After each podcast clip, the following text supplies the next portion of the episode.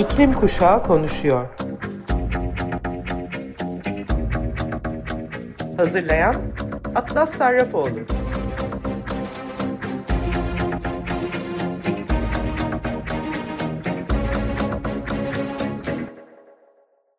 Hepinize merhaba sayın Açık dinleyicileri. İklim Kuşağı Konuşuyor programına hepiniz hoş geldiniz. Her cuma saat 14'te olduğu gibi bu haftada buradayım. Ben Atlas Sarrafoğlu. 14 yaşında bir iklim aktivistiyim.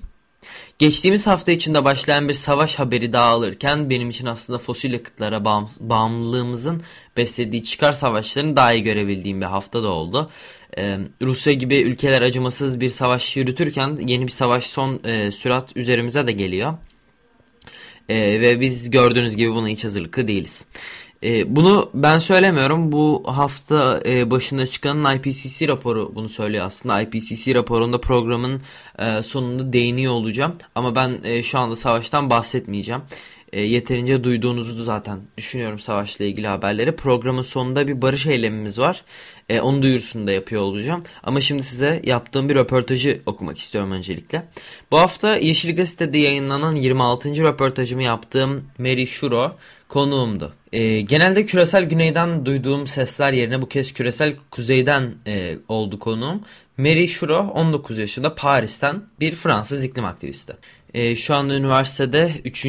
yılı için Berlin'de yaşıyor. Fridays for Future hareketinin e, Fransız kolu olan İklim İçin Gençlik Fransa'nın bir üyesi ve ayrıca 14 yaşında genç e, iklim aktivistinden oluşan dünyanın dört bir yanında e, belediye başkanlarının şehirleri sürdürülebilir kılmak için çalışan bir örgüt olan e, C40'ın Küresel Gençlik ve Belediye Başkanları Forumu'nun bir üyesi. E, ona iklim krizi ve aktivizmi hakkında sorular yönelttim. Şimdi o sorulara bir göz atalım. İklim aktivisti olmaya nasıl karar verdin? Fransa'da grevleri nasıl yapıyorsunuz? Paris'te okuyorum ama ailem Fransa'nın batısında. Atlantik Okyanusu yakınında yaşıyor. Büyük annem ve büyük babam ile deniz kenarında büyüdüm ve her geçen yıl genel manzaradaki değişiklikleri görüyorum. Örneğin erozyon ve yükselen su nedeniyle bazı plajlar artık erişilemiyor. Dedem ve büyük annem bir adada yaşıyor ve bu ada 2050'de yok olabilir. 2050 yılında yani bundan 30 yıl sonra ben 48 yaşında olacağım. Bunu duyduğumda çok korktum. Bu yüzden bilimsel raporları okumaya başladım. İrkildim ve korktum. Aynı zamanda Avrupa'da iklim için büyük grevler ortaya çıkmaya başlamıştı. Acılarım da yalnız olmadığımı görmek beni çok e, bana çok umut vermişti ve yaşadığım küçük kasabada iklim grevi düzenledim. Gerçekten e, başarılıydı. Tüm okulum ve diğer birçok lise öğrencisi bana katılmıştı. Sonra fark ettim ki e, Fransa'nın tüm şehirlerinde aynı aynı anda benzer gösteriler vermiş. Bu nedenle daha iyi koordine olabilmek için Youth for Climate France, e, iklim için gençlik Fransa'yı oluşturmaya karar verdik.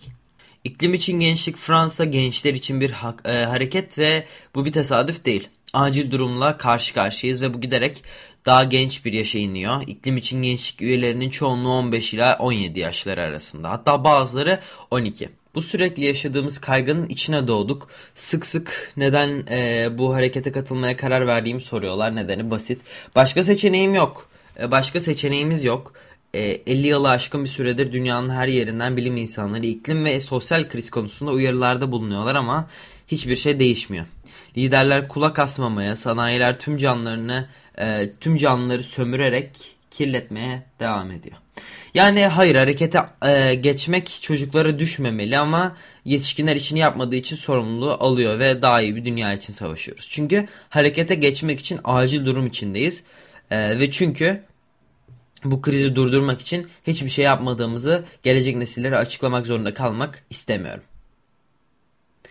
İklim krizinin Fransa üzerindeki etkileri neler? Gittikçe daha fazla sıcak dalgası yaşıyoruz. Dağlar gitgide daha da az kar alıyor ve yükselen su seviyesi 20 ila 30 yıl içinde Fransız kıyı şeridine zarar verebilir. Ancak şimdilik Fransa oldukça korunaklı. Bununla birlikte bazı topluluklar diğerlerine daha fazla etkileniyor. Örneğin en güvencesiz insanlar kendilerini koruma araçlarına sahip zengin insanlardan daha fazla kirlilik ve sıcak hava dalgalarından muzdaripler. Hükümetinizin iklim kriziyle ilgili algısı nedir? Hükümetin mevcut ekolojik krizle ilgilenmediğini düşünüyorum. Tüm ekolojik politika iletişime dayanıyor. Başkan ve bakanlar çok güzel konuşmalar yapıyorlar. Gezegende yeniden yeşil yapmalıyız diyorlar ama Greta Thunberg'in dediği gibi bu sadece bla bla bla. Örneğin geçen yıl Cumhurbaşkanı Macron e, bir iklim için vatandaş kongresi oluşturmaya karar verdi. Buradaki fikir toplumu temsil eden 150 Fransızı e, farklı cinsiyet, istihdam, yaş ve benzeri bir araya getirerek bilim insanlarıyla birlikte çalışmaları ve 2030 yılına kadar sera gazı emisyonlarını en az %40'ını azaltacak 150 e, farklı tedbir önerisi belirtmekti. Bunun harika bir fikir olduğunu düşündüm. Harika bir demokrasi örneğiydi. Çünkü iklim değişikliği büyük değişiklikler yapmayı gerektiriyor. E, ve bu değişiklikleri uygulamak için demokrasiye ihtiyacımız var. İs, e, durumu izah ettiğimde meseleleri izah eden bilim insanları sayesinde onların çözüm bulabilecekleri e, çözüm bulabileceklerini de ispatladı. E, fikrini değiştiren ve çok radikal önlemler öneren bazı iklim şüphecileri bile vardı. Sonunda vatandaşlar çok kapsamlı toplan, e, toplamda e, 149 e, tedbir önerisi getirdi. E, ve e, Macron tüm bu tedbirleri oylamaya alınması için parlamentoya aktarma sözü verdi. Ancak o ve hükümeti mecliste e, sadece en zayıf 24 tedbiri önerdi. Daha sonra bu 24 tedbirden bazılarının kaldırıldığını öğrendik. E, sonuç olarak bugün önlemlerin sadece %14'ü uygulamada ve hiçbir ilerleme kaydedilmedi. Fransa'nın en yüksek mahkemesi Fransız devletini iklim hareketsizliği nedeniyle kınadı. E, ama hükümet pasif değil çünkü bu onun yanlış ya da doğru hiçbir şey yapmadığını e, anlamına da geliyor e, hayır aslında suç işliyorlar. Yani devlet açıkça iklim değişikliği projelerini teşvik etmeye devam ediyor. Örneğin birkaç yıl önce mevcut Ekoloji Bakanı bir milletvekiliyken arıların ölümüne sebep olan bir pestisit türünün kullanımını yeniden açan bir yasa çıkarmıştı. Ve bugün bir bakan olduğu için bu pestisitin kullanımına yeniden izin veren bir yasa çıkardı veya Fransız devleti şu anda petrol şirketi Total'i EACOP'un yapılmasını teşvik ediyor EACOP. Tanzanya ve Uganda'dan geçecek ve tüm e, bölgenin biyolojik çeşitliliğini yok edecek. Aileleri evlerini terk etmeye zorlayacak ve yılda 34 milyon ton karbondioksit salacak. Devasa bir boru hattı projesi.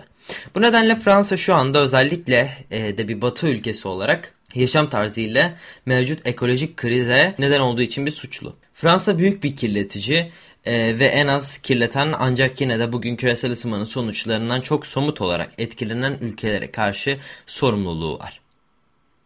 İnsanları iklim değişikliğinin etkilerinden korumanın çözümünün ne olduğunu düşünüyorsun?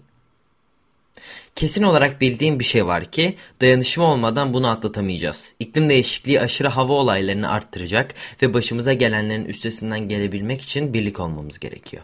Ve dayanışma yaratmak için daha iyi bir dünya için savaşan tüm insanlara tüm mücadelelerle bağlantılar kurmamız gerekiyor. Bilginin de büyük rol oynadığını düşünüyorum. Bugün herkes bir iklim krizini sürmekte olduğunu biliyor. Ancak somut olarak çok az insan bu krizin dünyadaki insanları gerçekten nasıl etkilediğini ve Fransa'da bizi nasıl etkileyeceğini biliyor. Fransız medyası Fransa'da gerçek bir e, dezenformasyon rolü oynuyor. Örneğin en son IPCC raporunun yayınlanmasını takip eden 36 saat e, boyunca tüm televizyon kanalları zamanının sadece %1'i bu rapora ayrıldı. Dolayısıyla rolümüzün bir parçası da bilgilendirmek için zaman ayırmak. Mümkün olduğunca çok insanı bilinçlendirmek çünkü bilgi güçtür. İklim adaleti senin için ne ifade ediyor? Benim için iklim adaleti yani herkes için yaşanılabilir koşullar için mücadele etme fikri sosyal adaletten ayrılmaz. Aslında ekolojik mücadelenin ardında toplumsal bir mücadele var. Çünkü iklim değişikliğinin sonuçlarından herkes aynı şekilde etkilenmiyor. Yukarıda söylediğim gibi güvencesiz insanlar, ırk ayrımcılığına uğrayan bireyler, kadınlar küresel ısınmanın ön saflarında yer alıyor. Ve bu nedenle arkasında eşitsizlikler devam ederse özellikle gezegenin en zengin %10'unun karbondioksit emisyonlarının %52'sinden sorumlu olduğunu göz önüne alırsak yaşanılabilir bir gezegen elde etmek faydasız olacaktır. Ayrıca iklim değişikliği için mücadelenin deko, dekolonyal bir ekoloji için savaştığını da eklemek isterim. Bugün ekolojik sorun batılı ülkelerin davranışlarıyla bağlantılıdır. Ancak yine de kendi zenginlikleri için okyanustaki 7. kıta gibi güney ülkelerine e, atıklarını dökmeye devam ediyorlar. Kaynak için işçileri sömürmeye devam ediyorlar. Diğer ülkelerdeki biyolojik çeşitliliği yok etmeye devam ediyorlar. O halde buna bir son verilmeli. Eee Batılı ülkeler ders vermeyi bırakmalı ve kendi ülkelerine sahip çıkmalı. İklim kriziyle mücadelenizde kişisel olarak neler yapıyorsunuz ve lütfen bize gelecekten umutlu hissettiren şeyin ne olduğuna bahseder misin? Aktivizmime iklim yürüyüşleri düzenleyerek başladım. Sonra bağlılığım gelişti. Bugün iklim için gençlik ile çeşitli eylemler yapıyoruz. Ekolojiyle uyumlu olmayan faaliyetleri ilerleyiş durdurma eylemleri, bilinçlendirme eylemleri, yürüyüşler, ekoloji kursları yaparak yürütüyoruz. Aslında faaliyetlerimiz çok çeşitli ve zengin. Çünkü herkese hitap ediyor ve hepsinin amacı aynı. Neler olup bittiğini konusunda uyarmak e, ve farkındalık yaratmak. Beni umutlandıran şeyin bizim kuşağımız olduğunu da düşünüyorum. Yani sadece ekoloji konusunda değil, aynı zamanda feminizm, ırkçılık karşıtlığı gibi birçok mücadelede de bu kadar birleşmiş e, ve bu kadar kararlı bir nesil görmemiştik. Fransa'da pek çok insan gençlerin siyasete olan ilgilerinin azaldığını ve daha az oy verdiklerini söylüyor ama e, belki ama e, diğer yandan çok kararlılar ve daha iyi bir şimdi ve gelecek için e, somut bir şekilde savaşıyorlar.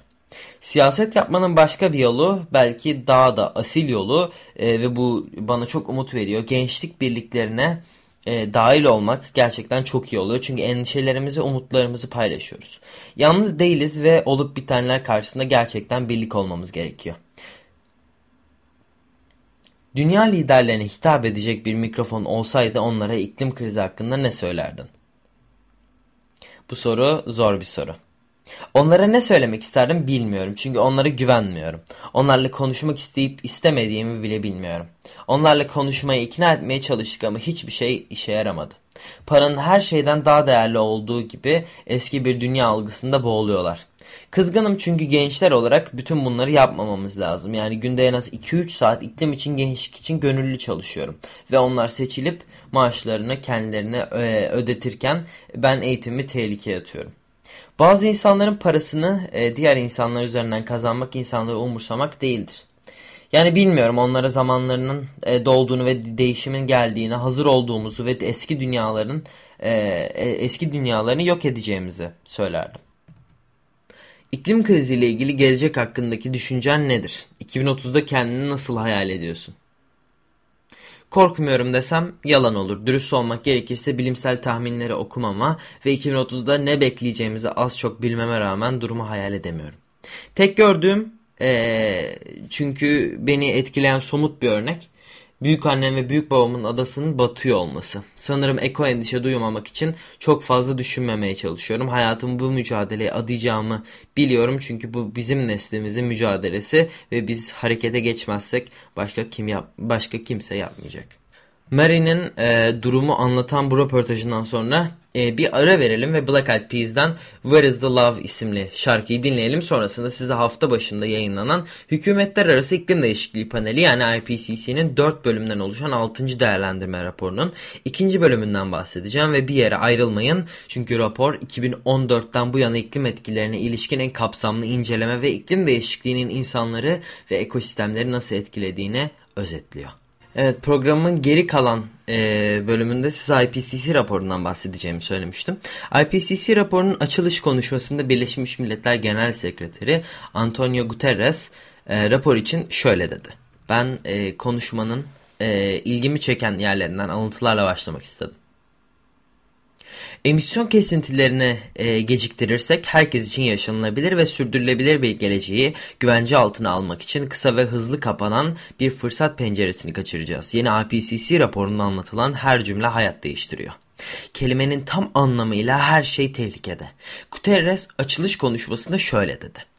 Bugüne kadar birçok rapor gördüm ama bu yeni IPCC raporu gibisini görmedim. Bu iklim raporu insan acılarının bir atlası ve başarısız iklim liderliğinin lanetli davası. Gerçekler inkar edilemez.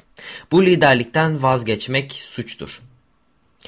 Dünyanın en büyük kirleticileri tek evimizde kundakçılık yapmakla suçlular. Gecikme ölüm demektir. Her yerde insanların endişeli ve kızgın olduğunu biliyorum. Ben de öyleyim. Öfkeyi iklim hareketine dönüştürmenin zamanı geldi. Ayrıca Antonio Guterres insanlığın neredeyse yarısı hali hazırda tehlike bölgesinde yaşıyor. Pek çok ekosistem artık geri dönüşü olmayan bir noktada. Kontrolsüz karbon kirliliğinin dünyanın en savunmasız gruplarını bile zorla yıkıma götürüyor. Küresel ısınmayı 1,5 derecede sınırlamak esastır.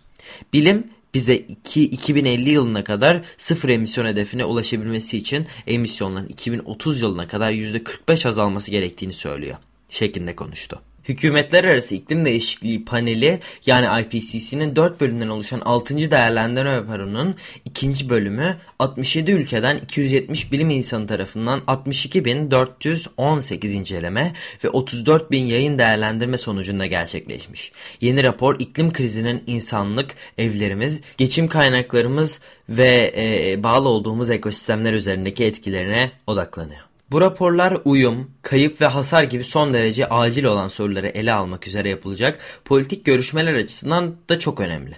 Zira bu raporlar ülkelerin ulusal iklim hedeflerini Paris Anlaşması'nda belirten 1,5 derece ısınma sınırına uygun olarak güncelleyecekleri Kasım ayında Mısır'da düzenlenecek COP26 iklim konferansına yönelik anlatıyı çerçeveleyecek. Rapor özetle şu tehlikeleri sıraladı.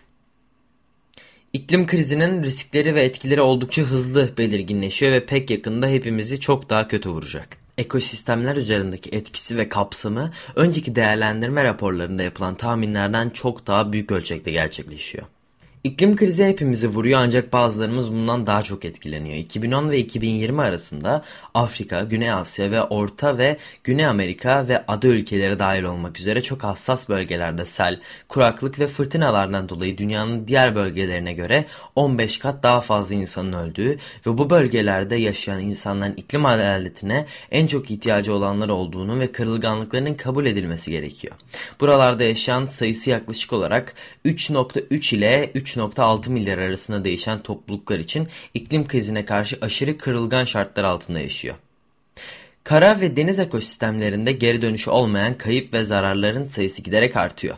Küresel çapta türlerin yarısı göç halinde ve bugüne kadar yüzlerce yerel tür tükendi. 2008 yılından beri başta fırtınalar ve seller olmak üzere aşırı hava olaylarından zarar gören her yıl ortalama 20 milyon insan iç göçe yönelmek zorunda kalıyor. Pek çok ağaç ve mercan resifleri artan sıcaklıklardan dolayı yok oldu. Küresel sıcaklığın 1.1 dereceden 1.5 dereceye çıkması iklim onaylarına yansıdı. 1 milyardan fazla insanın kıyıya özgü iklim tehlikelerinden kaynaklı risk altında. Sıcaklıkların 1.7 ila 1.8 derecenin üzerine çıkması insan nüfusunun yarısının yaşamını tehdit edecek. Dünya nüfusunun %40'ından fazlasının iklim değişikliğine karşı yüksek derecede savunmasız. Yılın belirli bir döneminde dünya nüfusunun neredeyse yarısı su kıtlığını tecrübe ediyor.